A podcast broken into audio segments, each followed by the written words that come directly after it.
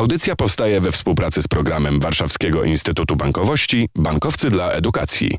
Trzy grosze o ekonomii. Dzień dobry, Piotr Topoliński. Będziemy dzisiaj myślą wracali do Kongresu Edukacji Finansowej i Przedsiębiorczości. Wśród debat, rozmów pojawił się czas na to, byśmy porozmawiali o sektorze bankowym, a ten boryka się z pewnymi problemami. Tak przynajmniej widzimy czasem na niektórych portalach, czy widzimy w telewizji, słyszymy o problemach amerykańskich czy szwajcarskich banków, co może zasiać w nas ziarno niepewności. Zaufanie do instytucji finansowych buduje buduje się dekady, a niszczy w ciągu kilku dni. Tak mówią niektórzy inwestorzy i miliarderzy z Ameryki, którzy komentują ostatnie doniesienia. Właśnie jedna z debat kongresu poświęcona była sytuacji sektora bankowego. Czy pieniądze w polskich bankach są bezpieczne? O to był pytany Leszek Skiba, prezes zarządu banku PKO SA. Oczywiście, że pieniądze w polskim sektorze bankowym, w związku z tym, że istnieje bankowy fundusz gwarancyjny, ale też po prostu też z takiego prostego powodu, że polskie banki są bezpieczne, więc nawet bez bankowego funduszu gwarancyjnego te pieniądze są bezpieczne, ale zwróciłbym na jedną rzecz uwagę, ten, czy ani w Stanach Zjednoczonych finalnie, ani w e, Szwajcarii deponenci nie stracili pieniędzy. Znaczy mówimy o pewnych e, sytuacjach związanych z inwestowaniem w banki, a tak bardziej inwestowanie w pewne obligacje emitowane, rynki finansowe też wiążą się z ryzykiem, ale co do samych depozytów, to można powiedzieć ani tam, ani tu problemów nie ma. Czy sytuacja za oceanem przełożyła się na polskie banki? O tym Wojciech Rybak, członek zarządu Banku Millennium.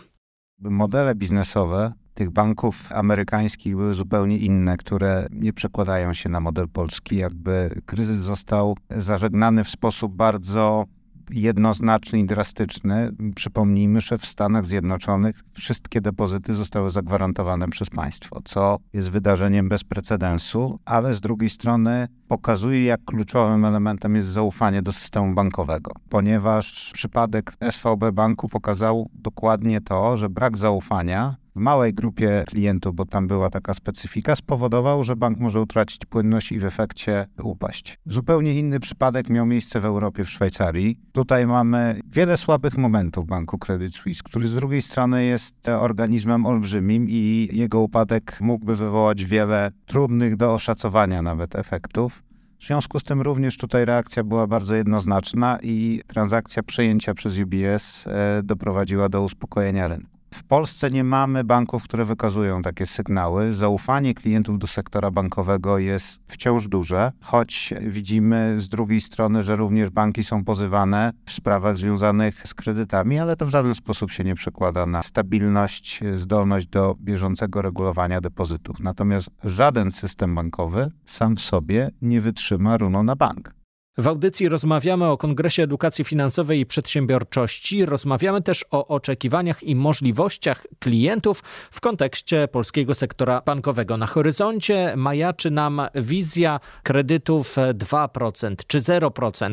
Są różne propozycje polityków i projekty, które przez parlament przechodzą lub są zapowiadane po wyborach. My dzisiaj nie o polityce, a o samych tych propozycjach. Kredyty 2% mamy pewne prognozy prognozy związane z tą propozycją. Czy klienci ruszą do banków? O tym Leszek Skiba z Banku PKO SA lipiec rzeczywiście, wydaje mi się, że powinien być takim momentem startu. Znaczy, że jeśli, wiadomo, że to nie jest cały rynek, ale mówimy o osobach, które nie mają własności nieruchomości, są tam w tych warunkach wiekowych, jeśli chodzi o kwotę kredytu, to rzeczywiście to, jest, to będzie taki czynnik, który spowoduje popyt na kredyt i warto się temu przyglądać. Czy na pewno banki z tego skorzystają? No, z takiej racji, że to jest e, odbudowa popytu na kredyt e, hipoteczna. A co swoim klientom mówią w Banku Millennium? Wojciech Rybak zwraca uwagę na pewne zagrożenia. Przede wszystkim e, to, co się zdarzy w lipcu, będzie dotyczyło pewnej ograniczonej grupy kredytobiorców. Dla nich ten dostęp będzie łatwiejszy poprzez subsydiowanie przez państwo rad kredytów, przynajmniej takie są założenia. Pozostała grupa klientów, która dzisiaj przychodzi, która spełnia kryteria zdolności kredytowej, jest edukowana przez nas nie tylko jeżeli chodzi o cenę, ale przede wszystkim o ryzyka związane z kredytem hipotecznym. I ja powiem szczerze, że miałem okazję przeczytać te dokumenty dokładnie parę miesięcy temu kiedy dyskutowaliśmy o tym, czy stała stopa jest e, ważna, jak ona powinna wyglądać. I kilka lat temu kiedy rozpędzały się pozwy związane z kredytami we frankach szwajcarskich. Ja jestem skażony wykształceniem ekonomicznym. Dla mnie oba te dokumenty były jasne. To znaczy, tam te wszystkie ryzyka są wskazane. Być może język sprzed 15 czy 20 lat nie był taki sam jak język, którym piszemy dzisiaj. Dostaliśmy, poszliśmy w tym zakresie do przodu i jesteśmy na pewno jako branża bardziej zrozumiali dla przeciętnego konsumenta, ale te ryzyka zawsze pokazywaliśmy. I to jest pierwszy element. Drugi element y, poza popytem, który jest naturalny w gospodarce rynkowej, to jest podaż. To, że kredyt będzie tańszy, to jest jasne. Natomiast czy kredytodawcy będą chcieli go udzielać, kiedy dzisiaj mamy sytuację, że ryzyka związane z długoterminowym finansowaniem konsumentów powodują, mówiąc prosto, że ten produkt jest nierentowny, co znaczy, że nie jest korzystny ani dla akcjonariuszy banków, ani dla deponentów banków ponieważ banki do kredytów hipotecznych dokładają, a ryzyka, które mamy niewycenione, które dotyczą najbliższej przyszłości, a pamiętajmy, że kredyt hipoteczny udzielany jest na 30 lat, dotyczące zmiany wskaźników referencyjnych, również nie skłaniają do tego, aby tą akcję na koszt naszych akcjonariuszy i deponentów bardzo mocno rozwijać. Więc tak, dostępność będzie, zdolność kredytowa będzie, natomiast myślę, że cena kredytu hipotecznego po stronie nie stopy bazowej, ale marży banku też się zmieni, ponieważ będzie musiała uwzględniać te ryzyka, które są wpisane w długoterminowy produkt.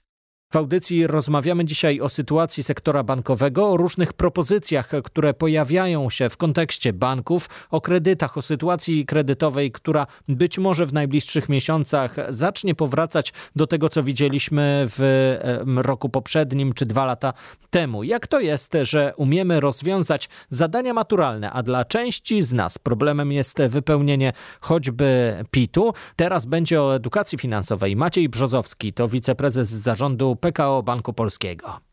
Edukacja, ale i podejście instytucji finansowych. Te rzeczy, które są oferowane, powinny być oferowane w sposób maksymalnie prosty, żeby ludzie rozumieli, co biorą, a przynajmniej mieli szansę zrozumieć. To, jest, to mi się wydaje, że instytucje muszą robić. Jeżeli jednocześnie zdejmuje się ten, e, że tak powiem, odpowiedzialność z osób, które korzystają z usług, nie tylko finansowych, przecież mamy nie tylko przepisy o ochronie konsumentów tak rozbudowane, jak to się dzieją, nie tylko w bankowości, ale w bankowości chyba przede wszystkim, no to nie wiem, czy ta edukacja odniesie skutek i tego się boję. Edukacja powinna być prowadzona właśnie na wczesnym etapie.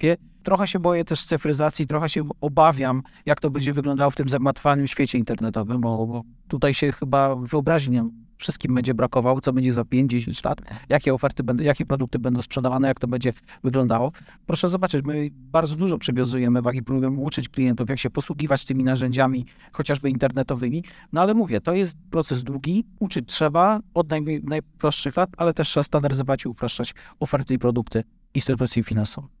Jak się nie dać złapać? Co zrobić, by nie paść ofiarą fałszywych edukatorów z social mediów? Co zrobić, byśmy choćby sztucznej inteligencji nie pytali o nasze decyzje finansowe? Dr Mariusz Cholewa, prezes zarządu Biura Informacji Kredytowej.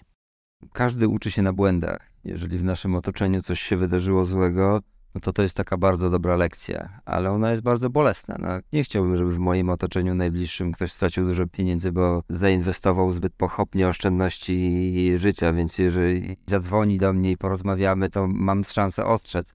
Ale jak edukować te osoby, no to trzeba na najróżniejszych formułach. Musimy wspólnie działać, bo są przestrzenie takie, w których klienci powinni być edukowani, zwłaszcza jeśli chodzi o taką higienę dotyczącą cyberbezpieczeństwa. Nie będę mówił o już innych narzędziach. Młodzież poprzez jakieś gry, takie gamingowie, to gdzie jest ich świat, żeby pokazać im, jakie są korzyści, jakie są ryzyka. Ale są też takie miejsca, w którym, zwłaszcza właśnie w tym cyber, najlepiej wyedukowana osoba z profesjonalnym przestępcą, fraudsterem, to czasami może być bezradna. I tutaj jest trochę rola nas, jako profesjonalistów na rynku, żebyśmy starali się ochronić tych klientów, nawet czasami przed nimi samymi. Że jeżeli on bardzo chce to zrobić, i to tutaj regulacje też są potrzebne, że jeżeli klient dzwoni do banku i mówi, że on na pewno chce na te kryptowaluty zadzwonić i że on na pewno jest, sam decyduje o tym, że nikt mu nie stoi obok, nie doradza i, i, i tak dalej, to jest nagrane, no to w tym momencie to rzeczywiście już trudno powiedzieć, co bank może zrobić. Być może jednak e, trzeba wstrzymywać takie transakcje na 24 godziny, jeżeli widzimy podejrzane ale to musi być działanie instytucji finansowych, ale też regulatorów, które w jakiś sposób ochronią też tych klientów. Złodzieje są coraz bardziej sprofesjonalizowani no i nie będą w stanie się obronić, więc ta edukacja musi być połączona z taką odpowiedzialną działalnością i instytucji finansowych, ale także regulatorów. I to tyle teraz, ale wydaje mi się, że powrócimy jeszcze do rozmów ekspertów podczas Kongresu Edukacji Finansowej i Przedsiębiorczości. Wystarczy, że wspomnę temat jednej z debat, jak skutecznie edukować, by przygotować inwestorów na zmianę. O inwestycjach i edukacji jeszcze będziemy mówili. Zachęcam też do słuchania podcastu Trzy grosze o ekonomii. Warto wpisać ten tytuł w ulubionych aplikacjach z podcastami. Tam ta audycja i poprzednie nasze spotkania, kolejne również się pojawią. Zapraszam. Piotr Topoliński, do usłyszenia. Audycja powstaje we współpracy z programem Warszawskiego Instytutu Bankowości Bankowcy dla Edukacji.